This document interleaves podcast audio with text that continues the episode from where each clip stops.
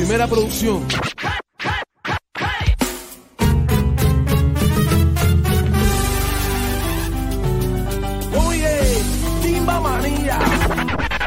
Timba Cuban Cuban salsa is it, eh, it's like a fusion of many things.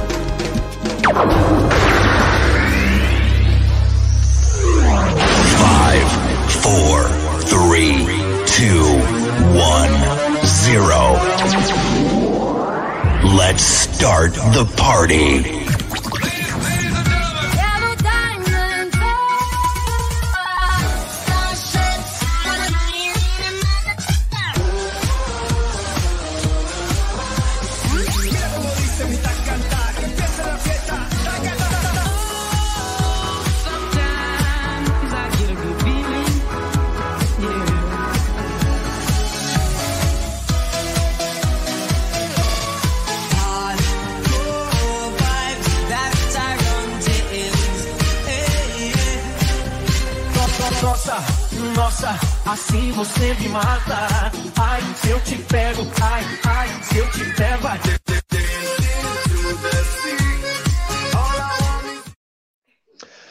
dobro dobroveče dame i gospodo, dobro dobroveče i dobrodošli u još jednu epizodu emisije Live from Balkan. Moje ime je Vladimir Šuković i kao i do sada ja ću biti vaš domaćin. Verujem da prepoznajete pozadinu i da se pitate odakle vas zovem, večeras vam se javljam iz Liga. Uh, a moji dragi gosti su malo dalje od mene, u pitanju je samovor, tako da veliki, veliki pozdrav i veliki, veliki zagrljaj, poljubac i svašta još nešto šalimo za samovor, sa nama su večeras Marko i Tihana Matijaščić. Dobroveče, dobri ljudi, kako ste, šta radite? Dragi prijatelju, pa ovo je ozbiljnije nego se ja mislio, mislio, ovo ludna špica, počeo sam se lagano trest, kao, znaš, ono, ovo je zaista ozbiljna priča, pa šta radiš ti? Zadnji put kad pa smo te ostavili, ono, čekao si dijete i malo smo džuskali po partijima, ovo je sad nešto poprilično ozbiljno. Znaš Dobar kako, sad moram da... Ovaj, a, dobroveče tebi Tihana, evo šta da vam kažem drugari, ja moram da ovaj da zarađujem dodatno, pa sam počeo pravim špice. ja, Šalim se.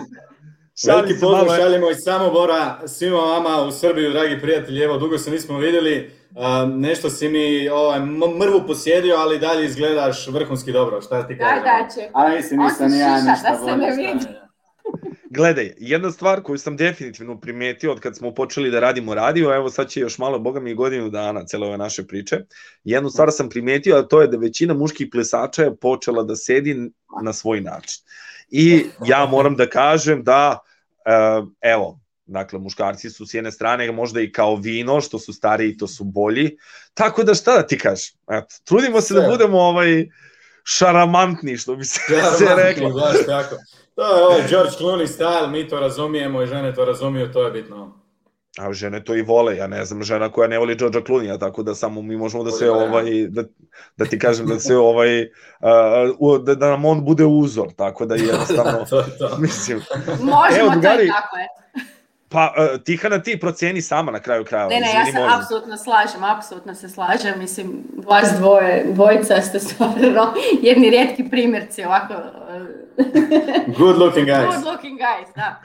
Najjače sada što trenutno vidim po ovoj kameri, ovaj, inače ovo sad, trenutno moja kosa izgleda još tamnije u odnosu na, na ono kako zapravo jeste. Tako da, ovo da što da je zatamljena... Da si namerno tak stavio.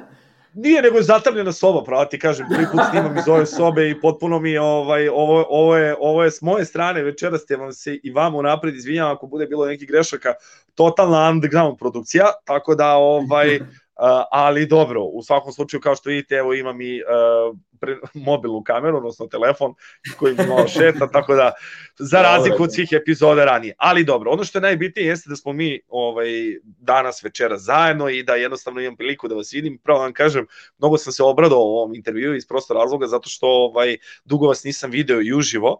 Ovaj, pa, s jedne strane, s one s one strane imaš onaj privatni osjećaj, s druge strane imaš i poslovni, odnosno kada nekog stvarno nisi video dugo vremena i da. a, u suštini ja, ja sve svoje goste ne najavljujem onako oficijalno, negde, negde, negde kroz priču volim ovaj, da, da, da, da, da ih negde najavim, na taj način najbolje se oni reprezentuju i uopšte ovaj, kroz neki razgovor kada porazgovaramo ljudi dobiju pravi dojam o vama, ko ste, šta ste i šta radite. Tako da, da evo za početak, dragi moji, drago mi pre svega da ste dobro, želeo bi evo da vas pitam jednu stvar vrlo ozbiljnu i ovaj krajnje onako mm, nezgodno pitanje jeste kako ste, kako ste se vas dvoje, evo za početak da krenemo, pošto ste vi i muž i žena i, i plesači, kako ste se vi za početak upoznali, to je neko pitanje koje ja dobijam stalno od ljudi koje da. poznajem, pa evo, Pitanje za vas dvoje, kako ste se vas dvoje upoznali? Ja ću. ja, da, e, Tihana ima neku svoju verziju, ali evo, ja ću njoj ovaj prepustiti pa ću na kraju reći kako to zaista bilo, ali evo, za sad neka Tihana kraju. Ništa, ide verzija broj 1 pa ćemo čuti verziju broj 2. A bilo je jako zanimljivo, u stvari, budući da sam ja starija od Marka 5 godina, Znači, kad sam imala 18, vodila sam jedan klub u Samoboru i Marko je, eto, eh, pohađao taj tečaj, to je sportsku grupu I tad je on imao 13 godina i moram reći da mi je tada već e, rekao da će me ženiti. Znači, to nije nikakva zafrkancija, to je stvarno tako bilo. I o, ne moram napominjati da je bio najzačešći na tim treninzima, znači non stop je letio van. Ne, još Už, užasno, užasno loš izbor riječi, ono, znači, mislim, najzačešći, budemo realni. Znači, najživlji, najživlji. Dečko od 13 godina u pubertetu sa zgodnom starijom trenericom, šuki moje, aj reci, šta očekivati ono? šta ti kažem prijatelji, osim da te potpuno razumem. Pa mislim, ja sam bio čovjek sa ciljem i sa misijom, ja sam njoj rekao šta mislim, ona se tad smijala, pet godina nakon smo se... A pa eto... nije istina, da laži, pet godina nakon si mi opet rekao da, ćemo, A da, ćeš me ženiti. čisto da ne zaboravim. I onda nekakvih uh, devet godina nakon sam popustila i počeli smo voljeti salsu zajedno i eto, tu je sve krenuo. Ma vidi, vidi, ništa, sve je u principu točno rekla, ples je nešto što nas je spojio, ples je nešto ovaj, što nas je evo, spojio, spojio i s vama dragim ljudima diljem cijele Europe i to je nešto ono prekrasno. Uh, Krenuli smo zajedno, znači kao trener i džak, nakon toga smo preuzeli Salsen grupu u Samoboru, to je pokrenuli cijelu Salsa priču, kao što znaš, surađivali dugi niz godina i s vama i sa, sa mnogim prijateljima diljem Evrope. Oženili se, dobili djecu, dvoje prekrasne djece, eto, sad plešemo kroz život samo u nekim drugim poslovnim putovima, nismo više ovaj toliko aktivni, ali tako nekako sve krenulo. Jasno. Recite mi sada, s obzirom da cijela ova priča vezana sa covidom je krenula prošle godine i negde svima nama ovaj, poremetila planove, sad ja ću potpuno da odem na drugu stranu sa strane plesa i moram Marka da pitam, Mare, s obzirom da ne znam koliko ljudi znaju, ti se baviš i muzikom i imaš svoj uh, band uh, mhm. koji se zove Krivi smjer, ako sam dobro rekao ovaj, zapamtio. Dobro. E, moram da napomenem, ja nemam večeras, prvi put ikada nemam, dakle, nikakve notes i tako dalje. Trudio sam se koliko sam mogao da zapamtim, tako da ovaj, tu sam bio dobar. Okay. So idemo, dalje, idemo dalje, idemo dalje. Idemo dalje. Ovaj, e, reci mi u suštini što se tiče muzičke industrije i sada, da li bi uopšte mogo da napraviš uh, i paralelu čak i sa uh, generalno i plesnim programima i celom tom pričom, s obzirom da je COVID svima nama negde limitirao nas, ograničio nas i tako dalje. Ovaj, kakve su tvoje mišljenja vezano uopšte za taj neki povratak vi ste i band koji svira dosta uživo i verujem da i vi dosta ispaštate zbog cele ove situacije, kao i brojne plesne škole, trenutno koliko imam informacije u Hrvatskoj plesne škole ne rade, Ovaj, tako da jednostavno faktički evo i vi kao porodica ste faktički sa dve strane već tu sa te umetničke strane pošto se vi bavite drugim stvarima, ali uh, jednostavno negde i, i, i limitirani. Pa me zanima kakve su tvoje uopšte te neke procene i uopšte pitaću i Tihanu s obzirom da je ona ozbiljna u plesu, dragi moji, drage moje, dakle Tihana je ozbiljna plesačica i ona će dati svoje mišljenje vezano za plesanju, tu posebno želim nešto da pitam, ali evo Mare, prvo mi reci ti sa strane vezano muzike i plesa, ovaj, hoće li se izvući nekako kada, je, e, kada su ove vrste umetnosti u pitanju? Um, znaš što, ja ne znam kakva je situacija kod vas u Srbiji sa mjerama i kakva su bile ograničenja, pa ću pričati iz perspektive Hrvatske. Apsolutno. Ovaj, e, znači, mnogo nelogičnosti je bilo u cijeloj toj priči. Um, ono što mi imamo prednost, uh, moji članovi benda, znači nas je šestero u bendu i postojimo već 15 godina, mi smo isključivo prije svega grupa prijatelja koje maksimalno ono, uživamo u muzici, ali nastupamo poprilično puno, znači ispod 40 nastupa godišnje mi ne radimo, povrh toga da smo svi zaposleni, znači ne živimo striktno od muzike. A, I to je činjenica u principu koja olakšava cijelu ovu priču sa covidom, a, jer mi smo ipak lakše to nekako prebrodili naspram onih bendova koji, ili klubova koji striktno žive samo od muzike, odnosno plesa. Mi smo od prošlogodišnjih 45 dogovorenih nastupa odradili smo samo 3.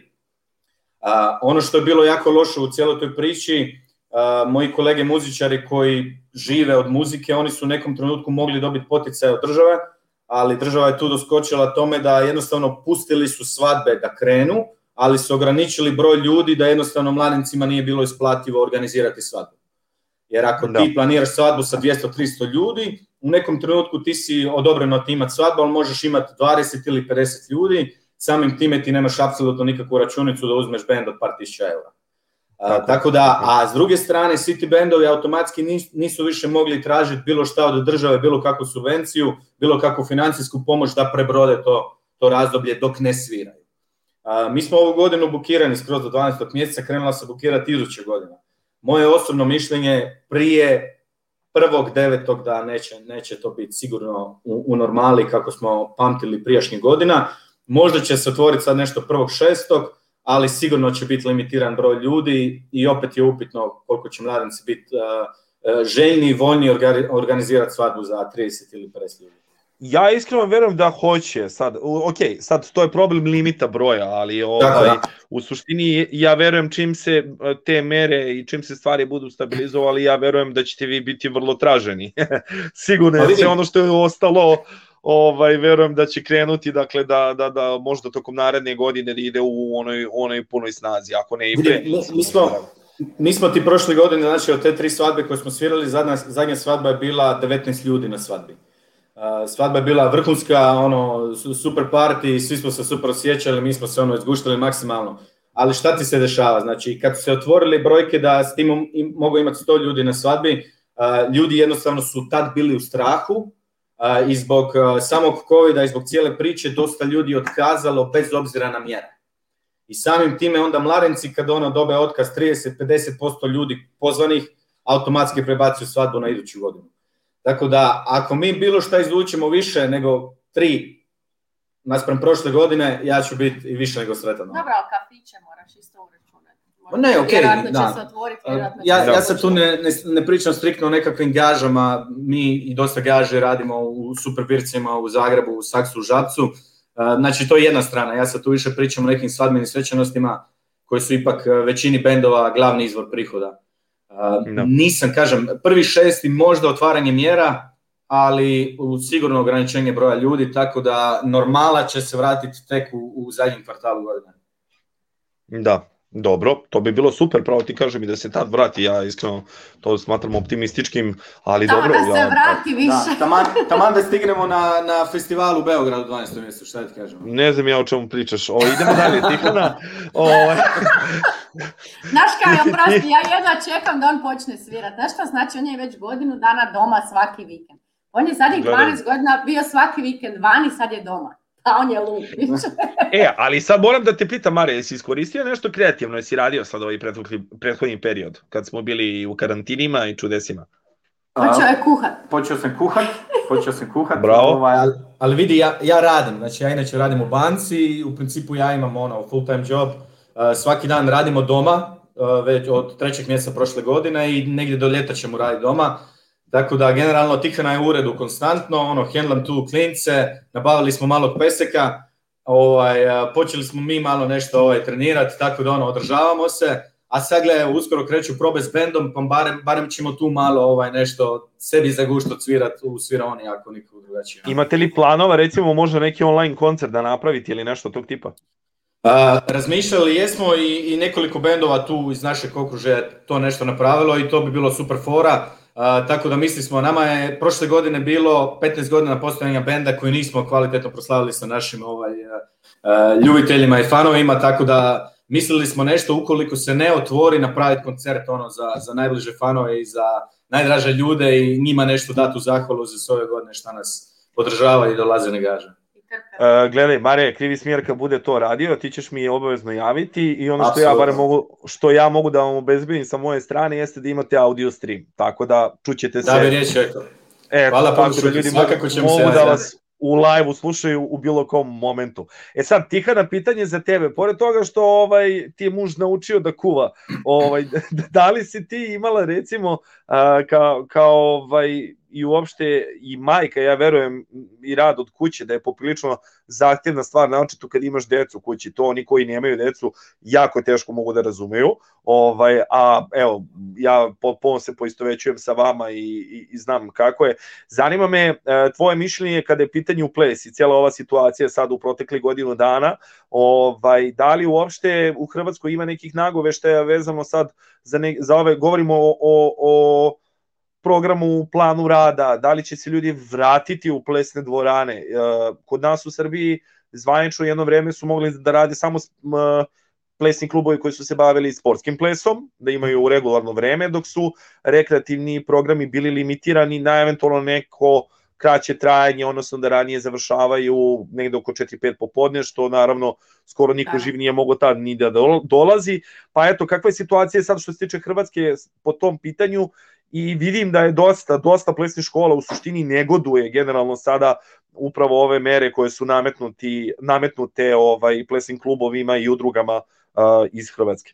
Pa znaš što, ima dosta nelogičnosti i kod nas što se tiče samih tih mjera. Znači, neki smiju biti otvoreni dok drugi ne smiju, a možda su totalno slični način treniranja. Uh, Da. Nešto predicirati sad šta bi bilo, kad će se otvoriti, ne znam, ali iskreno se nadam da bi sad sa znači, trećim mjesecom se mogle neke stvari možda malo promijeniti. Kod nas je unazad koliko tjedan dana mogu se otvorene su teretane i, I fitness centri. I fitness centri. Znači, Alo, alo. s druge strane, bilo koji e, sport u zatvorenom prostoru nije dozvoljen. To sam baš htjela reći. Znači, naša djeca apsolutno nigdje ne mogu ići, osim ako nisu vani. Kod nas je trenutno još jako hladno za biti vani. Ok, danas je prekrasan dan, ali recimo neki ljudi kao recimo naša Ninić je non stop je prehlađena, moramo paziti na nju, ne možemo je pustiti van. A s druge strane neko, znači kasina su otvorili, znači su otvorili. Ne, nema mi to logičnosti, nema logike nikakve. Mi se toplo nadamo da bi mogli početi u trećem mjesecu sa sportskim dijelom ovoga, e, u klubu. E, pa ne znam, evo sad, sad možemo čekati i vidjeti šta će biti. Time Šuki, e, da napomenemo, znači mi smo prije nekih par godina cijeli taj sportski, znači mi smo sa Salsom stali prije Dvije, tri godine. možda, možda da. čak i četiri, četiri, pet godina, ovaj, nešto smo još malo ostali u sportskom dijelu, i onda smo u principu prepustili prekrasnim ljudima Petra Iričević i Damiru da Kovačiću cijeli, cijeli plesni klub, a mi smo, evo Tihana u principu je ostala u dijelu rada sa mladencima, znači privatni sati, napravili smo jednu malu prekrasnu dvoranu i u principu Tihana je manje više unazad par godina samo u tom, tom džiru, ja sam u džiru benda i povrh toga ovaj, posao koji radimo i to je sve što mi imamo u kontaktu od plesa. A, tako da, ja da sam sport... nego, sva ova pitanja me zanimaju čisto zato što, kažem, vi bili aktivno ili ne, imate dosta iskustva iza sebe i na osnovu vašeg iskustva definitivno možemo doći do i nekih zaključaka kada je u pitanju uopšte cijela priča koja nam sledi, jer um, radila pa, po Tikana... Nekim naznakama, po nekim naznakama prvi treći je nekakav datum kad će se otvoriti uh, E, sport u zatvorenom. Samim time mislim da će i sportske sekcije, ali i normalni tečevi e, krenuti u pogon, ali opet... No, opet ne možeš, zna, da, znaš, svaki dan se mijenja ta situacija, mm. te cijepivo, te nije cijepivo, te ovoliko je zaraženih pa nije. Brojke moraju biti pozitivne, razumiješ, mi moramo imati pat od, ne znam, pet ili sedam dana da bi oni ono, izbacili neke mjere, sad tu su razno razne teorije zavjere, ono da oni kalkuliraju s tim mjerama dok se ljudi ne cijepe, pa jako malo ljudi se cijepi, pa i cijepivo se čekalo jako dugo i tako. Svašta nešto je tu u pozadini, ali u principu e, zamarat se stvarima na koje ne možeš utjecati jako da, nema i, i, nema smisla. Tako da mi smo generalno ono jedni od onih ljudi koji smo prihvatili stanje kako jest, izvukli maksimalno ono pozitivno iz svega toga jer e, budimo realni, znači kad smo čuli za koronu u 12. mjesecu 2019. Ni na kraj pameti, ni na kraj pameti nije bilo da će doći u Hrvatsku, u Srbiju i tako dalje, a kamoli da će trajati skoro evo sad godinu dana i da ću, ne znam, ja godinu dana sjediti za, za stolom i ne maknuti se iz kuće, ono, praktički radimo doma, da neću svirat 40 e, i nešto vikenda u godini, ono sve to, ljudi moji, ono, nevjerojatno. A znaš kaj, imamo posao Pravi smo, živi smo i hvala možemo funkcionirati. Znaš, da. ima masu ljudi kao što su Markovi kolege koji se bave samo, samo tom muzikom. Oni nemaju ništa sad. Jeste, Mislim... tako je, umetnici su i ovde u velikom problemu, znači to ljudi koji se bave samo umetnošću, dakle, dakle da im je to primarni izvor e, prihoda, to je veliki, veliki problem i jednostavno, e, nažalost, mi generalno u Srbiji kada je redovno stanje nismo imali velika prihodovanja u kulturi i to sad nema da. veze čisto da, da, da, da moji Srbije pa, ne da. pomisle Pa ne, ne, čisto i ljudi iz Srbije ne pomisle da sad ja nešto pljujem ove sada koji su nama na vlasti, daleko toga. Ovaj, taj, taj isti problem je bio i kada su bili i ovi prethodni i ovi pre njih. Dakle, jednostavno Srbija je uvek bila, što se tiče kulture, na, na, na, na da kažemo, stvarno u lošem stanju. Jednostavno, da. malo se ulagalo u kulturu, malo se unosilo u kulturu, Ovaj, tako da jednostavno taj odnos, taj odnos u nekim kritičnim situacijama samo dođe do izražaja, da jednostavno ljudi nemaju posla i ostaju bez posla i Bogu hvala, pa evo su sad pozorišta počela kod nas malo da rade uz naravno restriktivnije mere, obaveze nošenja maski, ono, razmaci između sedećih pozicija i tako dalje, jer ja iskreno smatram da je kultura i uopšte umetnost, bilo to ples, bilo to muzika, bilo to slikarstvo, bilo šta god, sve to može da se realizuje, samo je potreban način kako te stvari realizovati i kako pristupiti tome, ali tome mora da. da se pristupi ozbiljno i studiozno, a ne da da, jednostavno ne, mislim, tu ne mogu ni samo političari da donesu odluke, niti, pa da. Da, niti samo epidemiolozi, to ljudi moraju stvarno ozbiljno da pristupe tome kako bi određene vrste problema ovaj, e, rešavali jednostavno, kako Aha. bi da. Tako da, e, reci mi, Tihana, s obzirom da, da radiš sa mladencima, meni zanima da li se oni sada javljaju kada je, kada je ova situacija, jer ti uopšte sad možeš da radiš s obzirom da ti ne radiš klasičan tečaj, klasičan kurs, recimo. Znam, ali ti se ne osudim. Do, da. Uh, sad što zbog roditelja naših koji su stari i tako dalje, da. a što zbog toga što i uh, mladinci se zadnjih pa sigurno pet meseci uopće ne javljaju. Znači, mhm. jako slabo, od kad nemamo svadbe? Ma ne, mislim, svadbe su ti bile otvorene prvog šestog prošle godine, Uh, uz uh, restriktivne mjere uh, i trajalo je to negdje, pa je bilo ponovo zatvoreno, ne znam, polovica 9.10. pa nešto malo 11.12. Generalno, vidi ja iz mog iskustva, mladenci meni sad već prebacuju svadbe na 2022. godinu. 4., 5., 6., 7. mjesec se već lagano krenulo prebacivanje. Samim da. time potrebe za plesom je da. apsolutno u istom smjeru kao i potreba za bendom. Tako da kada, kada jako, e, jel šta je, nitko ni u kojem trenutku nije rekao evo ljudi mi očekujemo, barem da kažu očekivanja, evo mi očekujemo da će prvog četvrtog to krenuti. A kad ne mrem Znaš, jel ni oni to ne znaju. Ali mladenci samim time e, ne žele se dovesti u situaciju da dva tjedna prije svadbe njima stožer kaže evo vi sad možete imati od 250 ljudi. Pa naravno. Znaš, i automatski ti to sve vuče jedno drugo. I tu su ti fotografije, i cvjećari, i benovi. To je cijela industrija iz yes. toga. Tako da. Jedna svadba zna što znači. Mislim. Od sale, yes. od e, cateringa, od cvijeća, ma, od, ma sve je povezano. Sve je povezano. Od da. slastičarne, sve je povezano i svima je ista situacija. Svima teško, da. Jeste, popolno se slažem sa vama. Mare, reci mi koja su tvoja mišljenja vezano za muzičku industriju, kako će stvari funkcionisati dalje? Da li će se sve vratiti u normalu? Uh, jer evo komentari prošli gosti koji su mi bili neki su spomenuli recimo da možda sad trenutno DJ-evi imaju najveći problem zato što ovaj oni jednostavno jedina opcija koju imaju to jeste neki online. S druge strane bendovi imaju ipak mogućnost da kao snimaju u studijima, da prave tako na taj način neke pesme. Ovaj s treće strane imamo plesače koji imaju limite u zavisnosti od države do države, bukvalno do sada ono što sam video svuda se negdje i razlikuju Uh, odnosi država prema plesu, pa me zanima evo koje je tvoje mišljenje vezano za muzičku industriju, kako će stvari ići dalje. Vidi ovako, po, po mom mišljenju u Hrvatskoj netko ko se bavi muzikom, a nije ne znam Maja Šuput ili nekakvi ono poznatiji naši izvođači, um, ima smisla živjeti od toga jedino ako sviraš svadbe. Uh, raditi pjesme u studiju, ja ne znam koliko u Hrvatskoj ima smisla. Znači, može se vrtiti na pojedinim radijima, na pojedinim uh, televizijskim stanicama, ali nema, nema kruha od toga. Po mom mišljenju, unazad godinu dana, od kada je bio i lockdown i od kada su bile restriktivne mjere na svadbama, uh, najveći posao su radili DJ-evi. Mm Jer svatko ko je imao 200 ljudi, a odjedno može imati 20 ljudi, sigurno će prije uzeti DJ-a koji ga košta 7 puta manje nego band. Pa jeste, košta kao um, jedan čovek u mesto sedmoro ljudi, jasno. Tako je, tako ja, da. ja imam jako puno prijatelja DJ-eva koji su odradili daleko više svadbi nego mi kao band smo odradili u prošloj godini.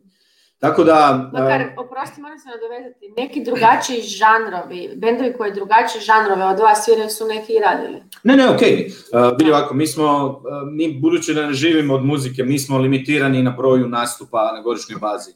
Uh, znači, ne radimo ono dan za danom, petak, subota, ne radimo po cijeloj Hrvatskoj, znači malo smo se nekako ograničili i na broj nastupa svadbi i na područje na kojem sviramo. Neki bendovi su naravno imali sreće da 6. 7. 8. mjesec kada je bilo sve otvoreno zbog turizma su odradili 20-30 svadbi, vrhunski, ali takvih bendova je jako malo. Jako malo. Većina je još uvijek onih koji su se suočavali sa situacijama gdje su mladici prebacivali ipak na 2021 i opet će se suočavati sa situacijama kada će prebacivati ili na kraj 2021. ili na 2022. S time da naravno da. mi smo tu vrlo limitirani sa, uopće sa salama, tako da ni nemaš ti baš pretjerano puno opcija, znaš, možeš ti možda dogovoriti sa bendom, ali opet ti moraš i uskladiti i, i salu, i fotografa, i cvješara, tu je cijeli niz ono usluga koje ti moraš uskladiti da bi to se bilo okej. Okay. Jasno. Jasno.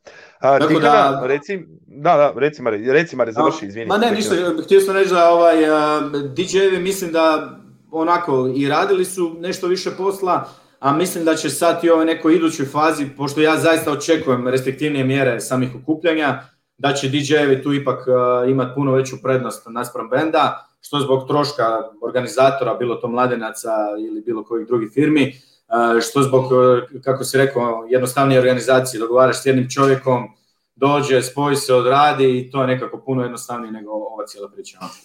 Da, da, da, da, da, ima, ima, ima logike potpuno. Uh, Tihana, vezano uh, za, sad ajde da spomenimo ovu celu priču vezano za ples pa da se malo vratimo u prošlost. Uh, ti si učestvovala, mi to zovemo ples, sa zvezdama, ples sa zvezdama kod vas je ples sa zvijezdama, je li tako? Ako se ne... Da. Ili imate druga? Ne, Drugačije, ne, ne, dobro, ok, ne, ok, ok, ok, ok, ok. Ovaj, zanima me, kakve su tvoje iskustva, uh, pošto si učestvovala aktivno u snimanju tog šoa, kako je tvoje, tvoje neko, da kažemo, evo sad s ove distance, uh, viđenje cele te priče, koja je poprilično zahtevna, moram priznati, gledajući uh, nažalost ovaj jedan jedini serijal koji je bio kod nas ovaj u Hrvatskoj i ono što sam primetio u Bosni i Hercegovini mnogo je više bilo tih serijala iz godine u godinu u Srbiji se po znacima navoda proslavilo sa svega jednim ali dobro tako da ovaj eh, pa ne mislim da okej okay, no vraćam da. se na pitanje ovaj kakve su tvoje iskustva eh, kakve su tvoja mišljenja za takav vid šova Uh, primetio sam čak da su ime i socijalne mreže bile onako uh, i usijane kada je u pitanju prezentovanje određenih plesova i tako dalje, ali sve u svemu po meni je jedna jako lepa prezentacija plesa za široke narodne manse uh, barem iz mog viđenja programa koji sam ovdje imao prilike da gledam i kad uhvatim ovaj, preko kablovske vaš. Tako da zanima me eto, tvoje neko iskustvo i viđenje cele te priče. Pa gledam, prvo smatram da je to e, tada kad je krenulo, mislim da je to bilo nekakvi 2007. 2008. godine, ne sjećam se više kada. A, jako je puno značilo za ples u Hrvatskoj. Znači, ljudima se nešto a, e, približilo toliko i svidjelo da su stvarno pohrlili u plesne dvorane. Znači, mi smo tada imali bum u Hrvatskoj koji je preko potrebno je bilo nešto napraviti ok, sad se opet neke druge stvari javljaju, znači nema tih parova, nema muških plesača koji bi plesili, vjerojatno ko u svakom plesu drugom i, tam, i tu je kod nas to problem, pa se tome malo doskočilo na način da se pojedinci mogu sami ovoga, natjecati Čest. tako, ali vezano na sami ples sa zvijezdama, moje osobno iskustvo a, bilo je super, bilo je a, e, stvarno nešto intenzivno, zanimljivo i strašno teško. E, strašno teško za uskladiti sa svim drugim obavezama. Ok, dok si tako mladi, dok nemaš e, ne znam, dječicu doma je tak nešto, ali e, bilo je bilo je super zato što je bilo recimo uživo, nisi imao prilike pulat. Znači, bilo je puno anegdota, naučili smo svašta tamo, ali na kraju krajeva ti si onako primoran cijeli dan provesti s tom osobom, naučiti ga u pet dana neki novi ples, znači znamo koliko jedan ples možeš učiti godinama, ali um, nekak si pod tim pritiskom i uspiješ, ne znam, dođeš tamo na taj live i onda ti tvoj partner kaže, čuj Tihana, ja sam se zaboravio. da, da, da. da.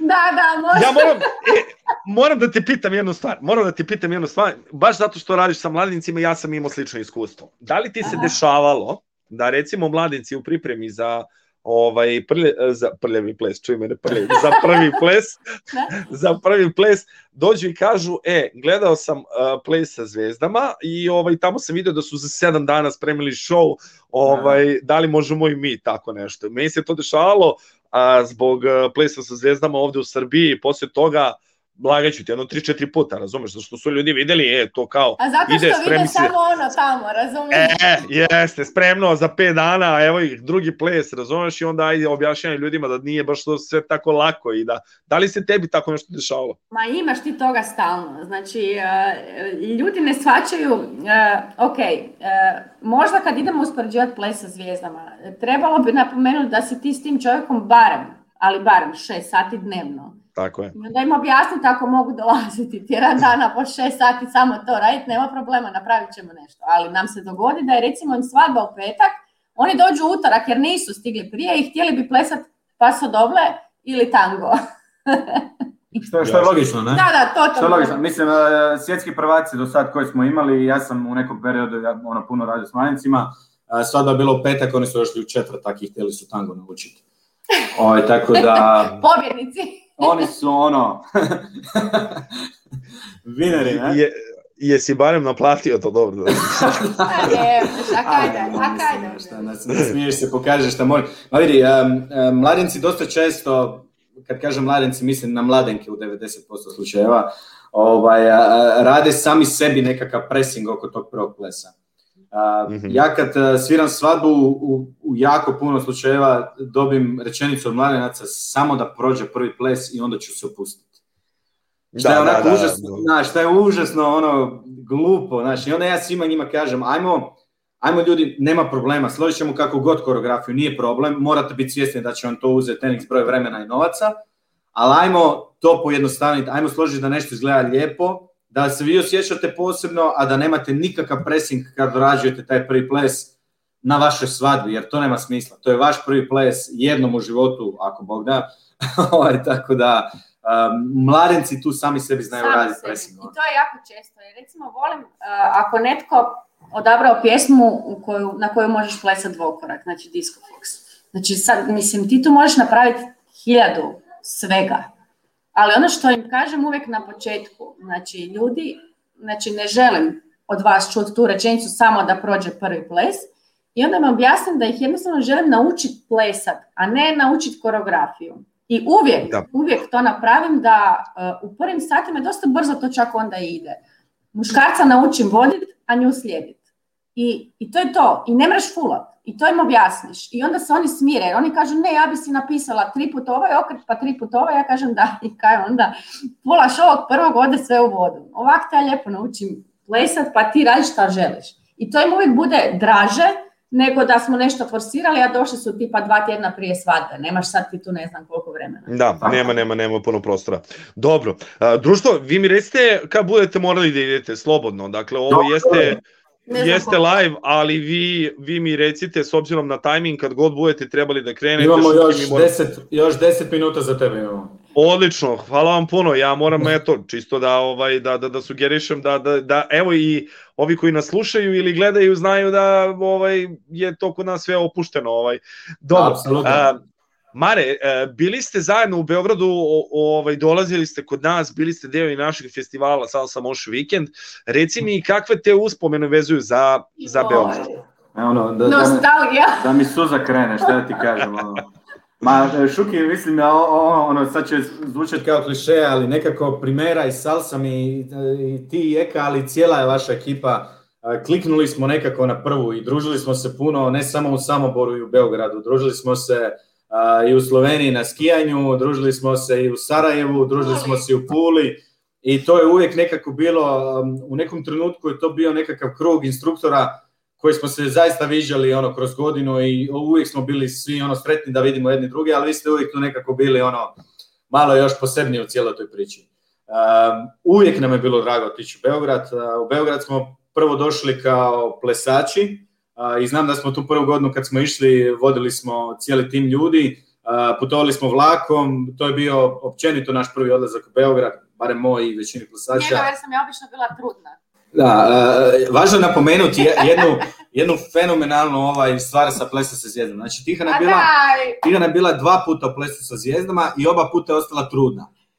Ali vidi, djeca se pišu na mene, tako da je sve okej. Okay. Ovo je bilo bezobrazno i plesala sam s čorkom.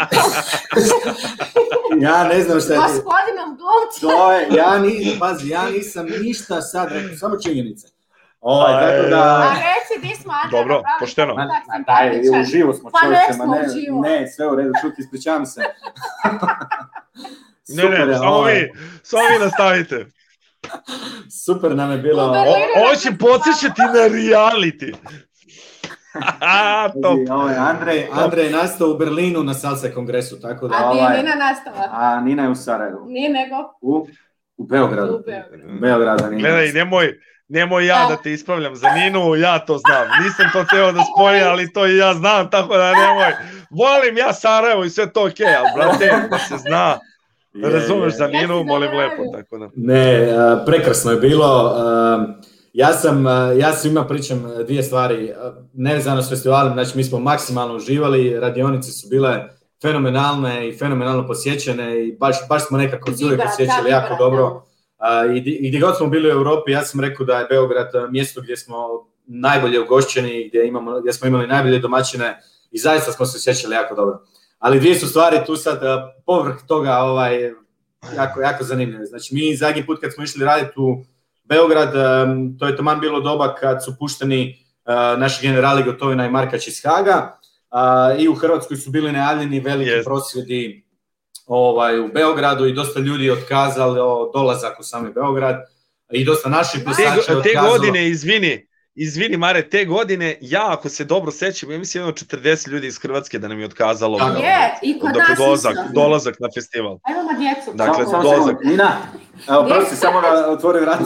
Ne, ne, sve okej, sve okej, sve okej. Okay. E, uglavnom, ovaj, e, ja sam ti, e, ono, nisam znao, znaš, isto, znaš, tu su i roditelji malo bili u strahu i cijela ta priča, nisam znao kako se osjećati u, u, ono, u toj situaciji, međutim, bilo je apsolutno sve, ono, vrhunski dobro. Bilo je vrhunski. Um, mi smo tijekom e, jednog e, partija, ja sam nešto ogladnio i moja tadašnja ovaj, e, partnerica, pošto je Tihana ostala u Samoboru. Nije, otiš... ja sam taj put bila s tobom. Kako si zabrala? Ne, ljubav, ja sam slan. Kako Markaća sam bila s tobom. A je, oprosti, da. Znaš, A mi smo stari. Pazi, molim. Glavno, išli smo kupiti ovaj... A, išli smo kupiti komad pice, znaš, i sad ono, ušli smo unutra i bilo je to krcato tamo ovaj, u tom uh, ne znam, fast foodu, pizza kratu ja kažem, e, znaš, čisto da se osjećam ono, malo manje nelagodno, ja kažem, e, molim vas jednu mešanu. A kaže, kaže mi majstor, e, mislite kombinovanu? Samo je rekao Zagreb, ja? Kažem, Zagreb, ja rekao da. Tako da, ali, ali sve u svemu, ono, vrhunsko iskustvo i prekrasno je bilo doći i veselimo se doći ponovno. Gledaj, uh, potrudio si se, moram ti kažem, vezano za izraz koji si teo da iskoristiš, tako da... Ovo... Ovaj. ne, ne, totalno. Ne. Inovativno. On sam rekao Zagreb, ja rekao Zagreb. Zagreb. E, dobro. E sad, imam jedno pitanje, vi ste takođe bili organizatori vašeg festivala, vašeg eventa koji se održava u Samoboru u organizaciji vaše škole sa vašom ekipom. Moram da pitam Tihanu ko je došao na ideju da instruktori kada je predstavljanje moraju da pevaju? Um, Znaš Jer šta, ja... obzirom da nam, da nam je uvek u Puli bilo zanimljivo i da smo uvek e, da. nešto morali raditi, da. Ne, ne pa znam, ne, da, se teško, da. ali sad sam se sjetila tvog nastupa. ja ga se sjećam i dalje. No, ja to nikad neću zaboraviti. Ja, se nadam da si pripremio taj video ovaj da pustiš sada. Gledaj, da si mi poslao ranije, pustio bi ga bez problema. Tako da... Poslije ću ti ga kasnije, e, nema problema. Ali... nema frke. Nema frke, prosledi slobodno. Nema, a, šta nije bilo da... Ja si svega se sećam, gledaj, sećam se da je, bio, da je bila Azra i da je bio Balkan, svega se sećam. Ovaj, mi, smo, tako... Da- mi smo bili na, radili smo na festivalu u Mariboru, uh mhm. -huh. ja mislim kod Matijaža i tad smo sa Melisom sjeli ovaj, nakon festivala i bili smo nešto komunicirali da bi ona došla raditi kod nas i bila je tako neka priča, pa Halloween, pa ova cijela priča, sjećaš, sjećaš se naših partija da je to sve bilo ovaj, sređeno, da je, da je, bilo da je, je bila, tematika i to sve i, i cijeli jedan tim ljudi staju iza cijele te priče, nismo samo tiha ja bili tu, ali gledaj, ono, neka druga vremena, puno više vremena, puno manje obaveza, puno više entuzijazma ono, u samom plesu, općenito u državi. Sigurno da je i ples sa zvijezdama, kao što je Tihana rekla, napravio jednu fenomenalnu pripremu za, za cijelu tu priču. Mi smo u tim godinama imali po ljudi na početnom tečaju salse, danas klubovi ono ako uspiju jednu grupu spojica 10 15 mi bili konstantno s tim ljudima. Mi smo te ljude furali na festivale, išli smo svaki vikend s njima negdje. Sad nažalost ne mreš. Ma odrasli smo, mislim, promijenili su se malo ovaj vremena i cijela ta priča, tako da uh, morao se biti inovativan, uh, teško je bilo tu u moru festivala. Uh, mi smo između ostali krenuli treći, četvrti u Hrvatskoj, znači bila je bio je Turovin, bila je tu Pula, I onda smo krenuli mi, pa i Zagreb, pa je... Šib, ono, svašta nešto se okre, ono, otvorilo među vremenu, tako da jednostavno ljudi su se malo raspršili ono svugdje negdje, teško je sve to pratiti, sve to košta na kraju krajeva. Yes. Ovaj, eh, ali morao si, mora si biti inovativan, morao si imati ideju, morao si napraviti nešto drugačije i predstavljanje instruktora sa karaokama je bilo apsolutno fenomenalno. Bilo je stvar. top. Bilo je da, top. Da to je, e, to je, to je bilo predstavljanje e, instruktora na koji su se Papi i Jeka tako iskusno izvukli, opilike bile ime, bile ono što su kastili, razumeš, dakle oni da, pošto da, smo dva raz, različitih tura dolazili ja s mojim plesačima i oni i onda su oni tako kasnili i onda eto gle čuda ovaj mi ja sam tivo kao njihov predstavnik da pevam. I da, da, redka, bila je to redka prilika kada, znaš, tako da, do, ovaj, ja, treba evo, to sve ponoviti, znaš. Gledaj, nemam ništa protiv što se mene tiče, samo decu neko mi pričuva, eto ga. Tako da ne, nema greške, nema greške. Ja, e, da znaš da šta, spitam... sad već naši mogu čuvati. Pa dobro, gledaj, godine su to sad. Dakle, oni su jesu stariji, a za koju godinu i će biti lakše. E, Moj, mi, da. Nisi ni svjestan, ali mi odgajamo jednu novu generaciju možda budućih instruktora, plesača i tako dalje. Tako da, što da ne, mislim, što da ne. Brate, ti si voditelj na radio primera, ovaj, do pre par godina si bio instruktor, znaš, ko zna di smo za 10 godina. Gledaj, za sada i dalje kao plešem, ali ko zna, vidjet ćemo. Tako da, e, teo sam da vas pitam, evo, ovaj, uh, pošto polako se bližimo ovom limitu, imam tajmer ovaj, koji nam je u gornjem levom uglu, pa vidim da smo ovaj, pri kraju cele priče. Uh, evo, prvo, ajde Tihanu prvo da pitam. Tihana, reci mi, uh, da li bi želela ovim putem nekoga posebno da pozdraviš i da, da jednostavno uh, a, nekom, da pozdraviš i da po, pošeš neku poruku, da kažem, svim ljudima koji nas večera slušaju i gledaju. Pa ovim putem prvo želim ti zahvaliti na prilici uopće da se čujemo, da, da pričamo, Zadovoljstvo da moje. nas drugi čuju.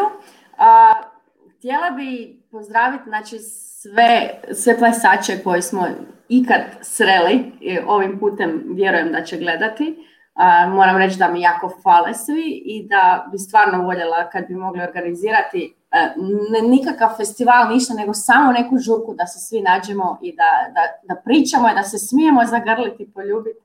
Ovoga, ono što bi poručila, ja ništa, pazit ćemo se dokle možemo, sad dokle moramo i nadamo se što da što prije proći sve. Eto, šaljem vam puno puste i ljubavi. Hvala puno Tihana. Mare, da li imaš ti isto neku poruku za ekipu koja nas prati večeras? Sad da si imao vremena smisla. ja, mislim, moja gospođa je toliko sve ove rekla kako stoji. E, da. Meni je užasno žao, mi smo se čuli u, u par navrata, užasno mi je žao da povrh plesnog svijeta nemamo priliku ono jednostavno sjesto, otići malo podružiti se. Ti se sjećaš da smo mi povrh našeg festivala znali raditi oni mini festove, kad ste vi mhm. sjeli u petak u, u auto, došli u Samobor i ono bili do nedelje ovdje, to, to je bilo jednostavno ono fenomenalno. Um, ono je bilo usim, strava. I, izvini, i, i, tad sam, i tad sam putovo sa Ladanilom. Da, da. apsolutno, da! Apsolutno, znači ono je jedna priča, ono jedna priča koja je bila za 50 ak ljudi i to je baš bila neka intimna atmosfera i svima ti se to, znaš ti kad si na festivalu u gomili ljudi, ono imaš uh, tisuću ljudi i jednostavno, znaš, nekolicina te doživi, a opet kad imaš ovako jednu manju grupu od vas 50 onda je to nekako ono puno, puno drugačije i puno se više svima ureže u pamćenje ovaj, i emocija je nekako sasvim drugačija. Uh, ti dobro znaš da mi uz primeru iz Srbije apsolutno ovaj, smo se najviše povezali sa, sa Sanjom i sa Dekijem, uh, koji ono, jako, jako puno pozdravljamo i neizmjerno se veselimo da i njih vidimo. Um, I puno pozdrava evo, svim prijateljima iz, iz Zagreba, iz Hrvatske, iz Pule, da pa će, ovaj, veselim se da ćemo se vidjeti uskoro. Ja se iskreno nadam i hoću još i naput da vam se zahvalim drugari pre svega na vremenu koje ste izdvojili da se večeras družimo i da pričamo na raznorazne teme. E, ja mislim da bi nam trebalo još jedno tri puta po ovoliko vremena da pokrijemo sve što smo hteli, ali eto, meni je bila želja u svakom slučaju da iskoristim priliku ovaj, da, da jednostavno porazgovaramo malo i ja se iskreno nadam da će ovaj, što pre doći vreme kada ćemo ove razgovore prebaciti ovaj, uz neku dobru kafu, rakiju ili klopu. Uz rakiju, uz rakiju. Budi... Sve navedeno i tim redom. Sve navedeno i tim redom. Da nemamo biti fini uz rakiju. Tako je, tako da... Je, pa, gledaj, baš ti puno gledaj, nije problem. Većina mojih gostiju većina mojih gostiju, verovali ili ne, često uz ovu emisiju i pije nešto, tako da, ovaj, ajde sad, mi nismo baš u situaciji za to, ali kažem, neka ostavimo, Ne, ne, sledeći put ostavljamo to, ostavljamo to za, za uživo viđenje, tako da recimo Absolutno. nek može tako. Tako ja da, se, ja se šuki, e, društvo, ja se evo, ja vas veselim puno... jednom, e, veselim se jednoj ruedi koja je Aha. bila ovaj, uvijek uh, na kraju svakog festivala sa primerom, kada je bilo ono 50-100 parova u krugu, u više krugova, i to je bila jedna ono fascinantna radionica, jedva jer čekam tako nešto, ja moram priznati. E, nešto ćemo zbučiti, ja se nadam iskreno, ja, pazi, ja sve pišem i dakle sve Dobro. ovo što, što snimim i vas dvoje i ove sve koji su bili pre vas, dakle kao gosti, sve lepo imamo u audio formatu zapisano, ostaje, tako da kada se ovo prođe držimo sve za reč, nemoj posle da, da, Ko je rekao da, šta rekao? Da, e, tako, drugari, ljubi vas puno, budite dobri. Ovaj... Mi tebe i ti sve izljubi svoje, molim te. Hoću, naravno. A mi ćemo sada pustiti, dakle, Marko mi je uh, e, pre ove emisije poslao dva snimka. Jedan je od uh, Ruede, Ovaj, dakle, uh, Ruedu koji je Salsam džuskao zajedno sa ekipom iz Tequila Moskitosa i druga je krivi smjer kako oni zvuče kada su direktno na žurci. Eto, drugari, vi mi budete dobro, ja ostajem sa ekipom koja nas prati. Uh, naravno, ovaj, ljubite klince i sve najlepše vam želim. Budite Tako zdravi. Hvala, da kažem, čuvajte se, bak. Ćao.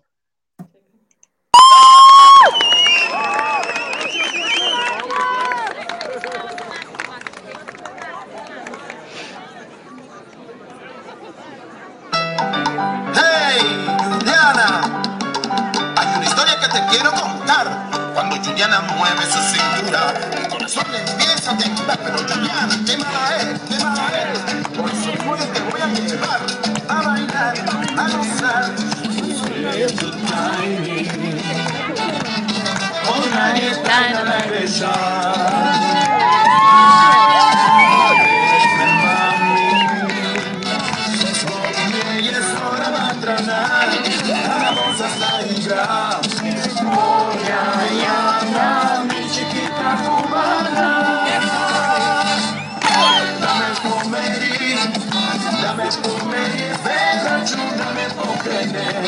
Nistanieje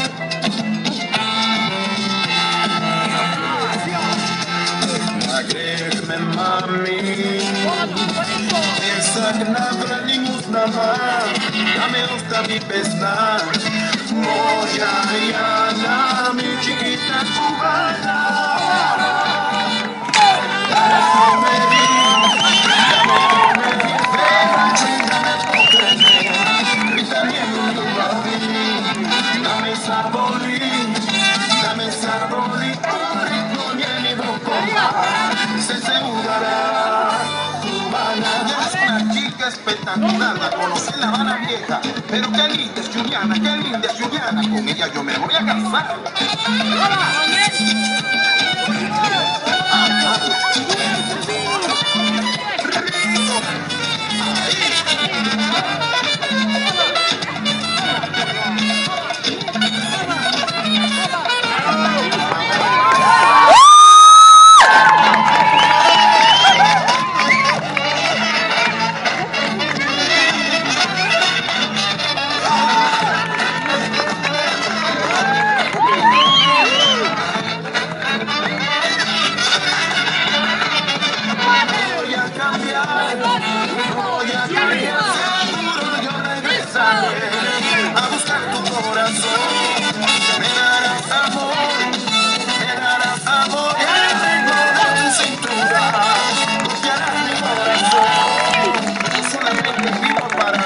corazón por la deportiva.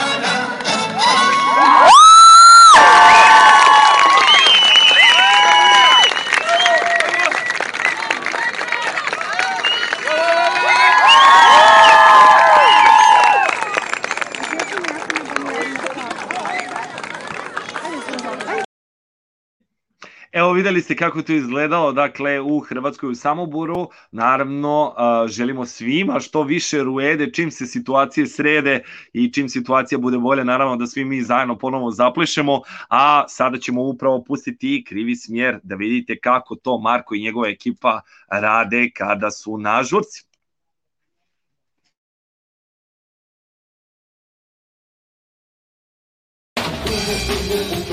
Thank you.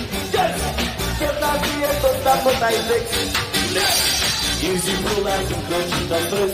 Never thought I'd say I was a famous. One round, looking at second over bar. Long, long, o macada. Long, long, e a Brasil, que que é caça me espelha. Long, long, na taverna, bicicleta.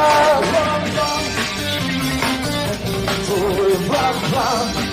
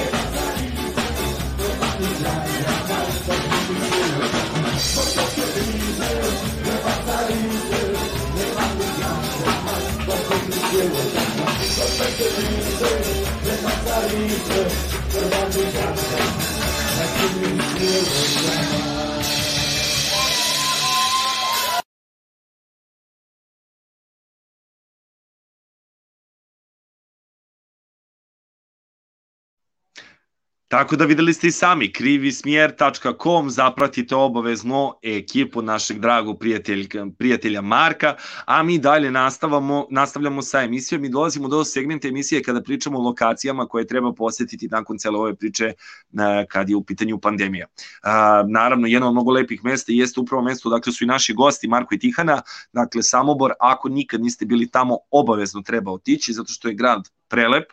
Ja iskreno sam bio nekoliko puta tamo i stvarno sam uživao i u arhitekturi i u ljudima i u gostoprimstvu, tako da topla preporuka za sve vas i kažem još jedan put, ako niste bili obavezno iskoristite priliku, dakle, posle cijele ove pandemije svratite do Samobora, zato što je grad stvarno prelep.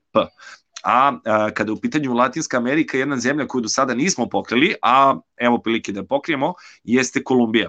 Kolumbija je između ostalog zemlja koja ima sjajnu salsu dakle, sjajne, e, sjajne i plesače salse i sjajne bendove, ali pored toga što je znamo kao jedno, da kažemo, od zemalja koja, da kažemo, gaji e, vrlo dobro uopšte taj neki latino fazon i latino zvuk, dolazimo do onog momenta koji se zove šta treba i videti i posetite ako vas put odvede u Kolumbiju. Tako da u narednih par minuta ćete upravo imati prilike da a, e, poslušate i da čujete a, koja mesta vredi posetiti i videti Buenas u Kolumbiji.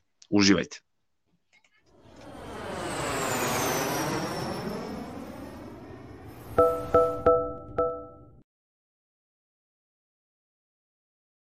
Buenos dias! In this video, we want to show you the best places to see and what to do in Colombia.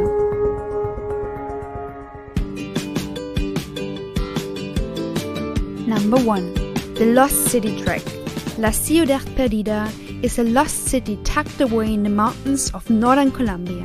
This ancient city is deep in the jungle and has been lost for centuries. Explore the lost city by taking a four day walking tour through the jungle and past the villages of the indigenous Tairona people. Get out of your comfort zone and leave your smartphones and other gadgets behind.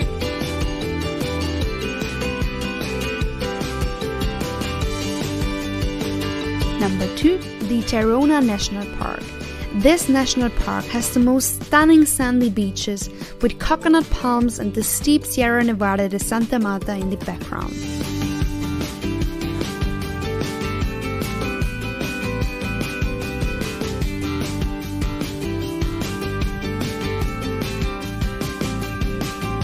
And don't forget to try a fresh coconut.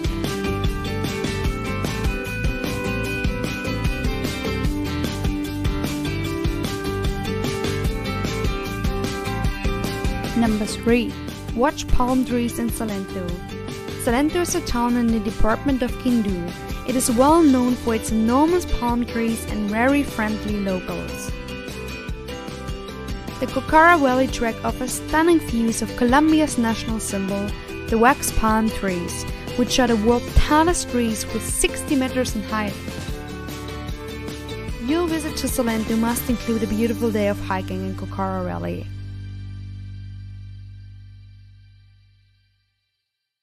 Our number four, Cartagena. Take a stroll through the historic city center and spot the unique sights along the way.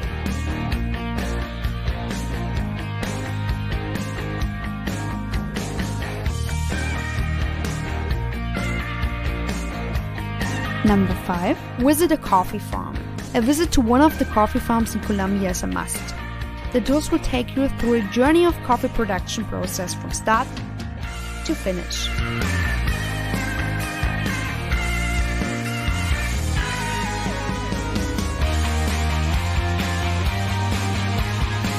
Number 6. I hope I pronounce it right. Guatepe. Visit the beautiful lakes of Guatepe and climb the giant rock.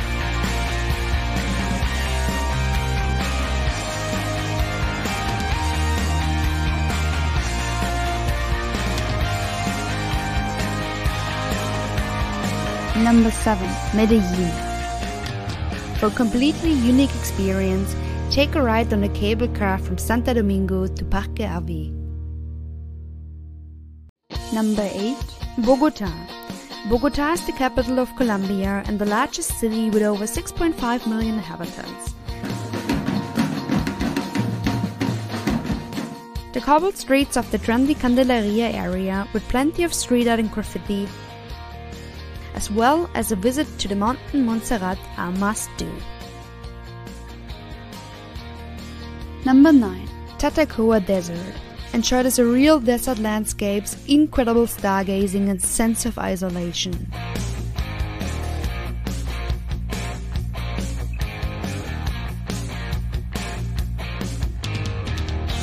Guys, our last recommendation is really hard to pronounce. San Cipriano via de Cauca. Travel on an old railroad track in a bujita, a wooden cart to pulled by a motorcycle. And the adventure begins.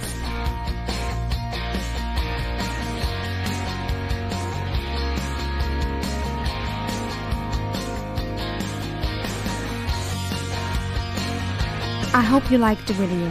I would really appreciate if you help me grow my channel so please like, comment and subscribe and make sure to watch our next videos.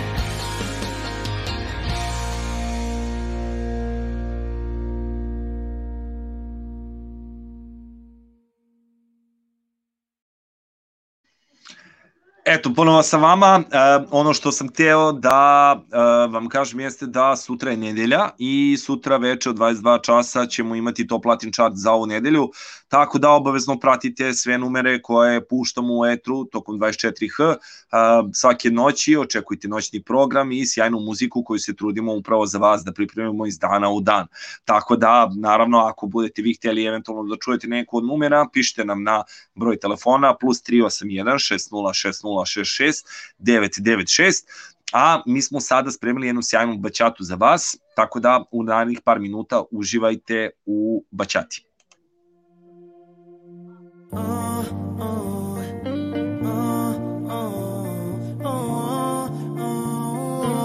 Y yo sé de mí te enamoraste. Después que me probaste, tú pensando en amarme y yo en comerte. Yeah, de mí no te enamores. Yo no creo en amores. Yo sé que me perdí después de comerte. Ahora pincheo para volver a verte. Yo no te enamores. Cambié flores por condones. Yo sé que me perdí después de comerte. Ahora pincheo para volver a verte. Yo sé que a mí te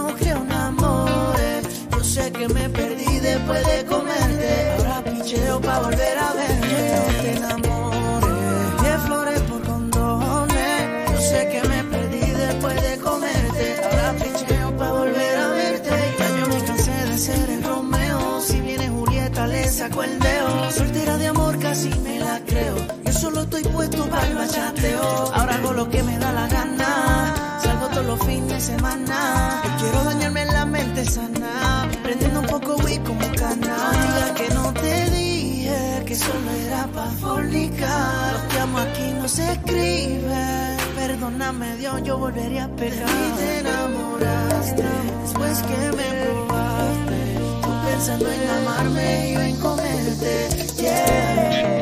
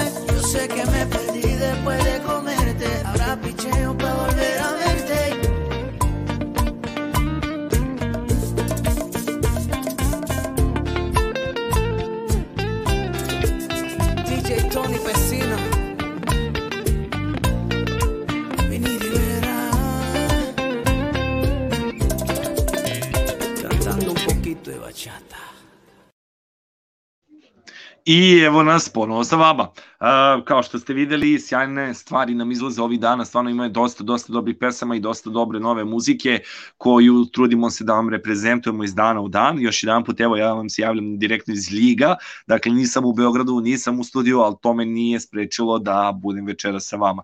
Nadam se još jedan put da, da uživate i u dobroj muzici i u razgovoru koji smo imali pre, da ste uživali. Mi smo za vas spremili još jednu numeru u ovom muzičkom bloku.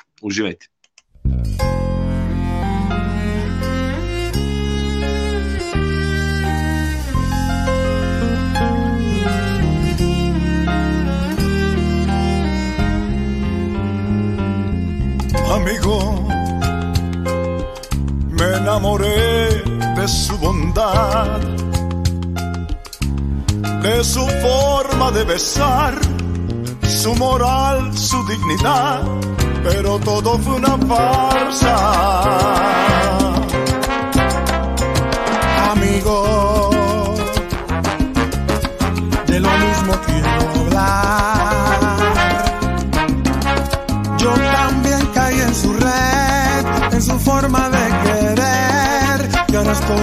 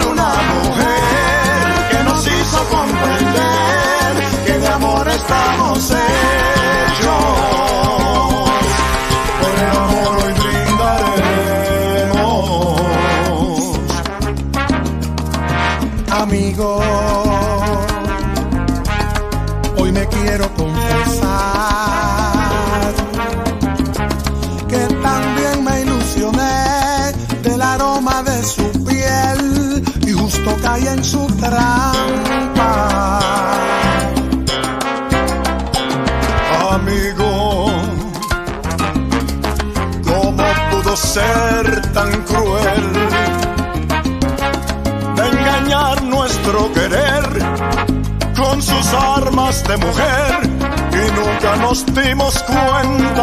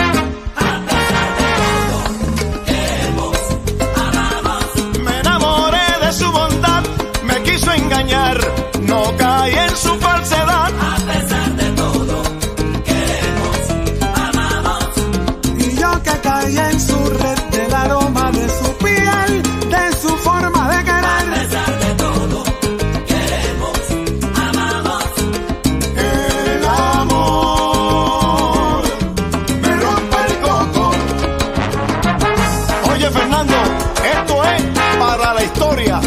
¡Vamos allá!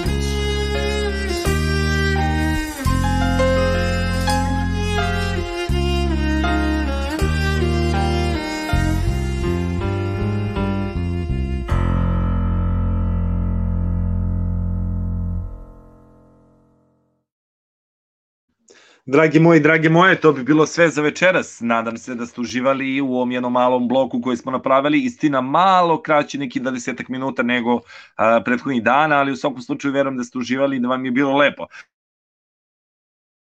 Večeras je emisija malo skraćena samo zbog tih tehničkih razloga koje imamo i zato što nismo u Beogradu večeras. Još jedan po veliki pozdrav za sve iz Liga koji nas prate, Ližane naravno eto, hvala vam što ste bili tu, što ste bili sa nama, puno vas pozdravljamo, puno vas volimo i kao i uvek ostanite zdravi u glavi. Sutra večer 22h, Top Latin Chat. Ćao svima, puno pozdrava.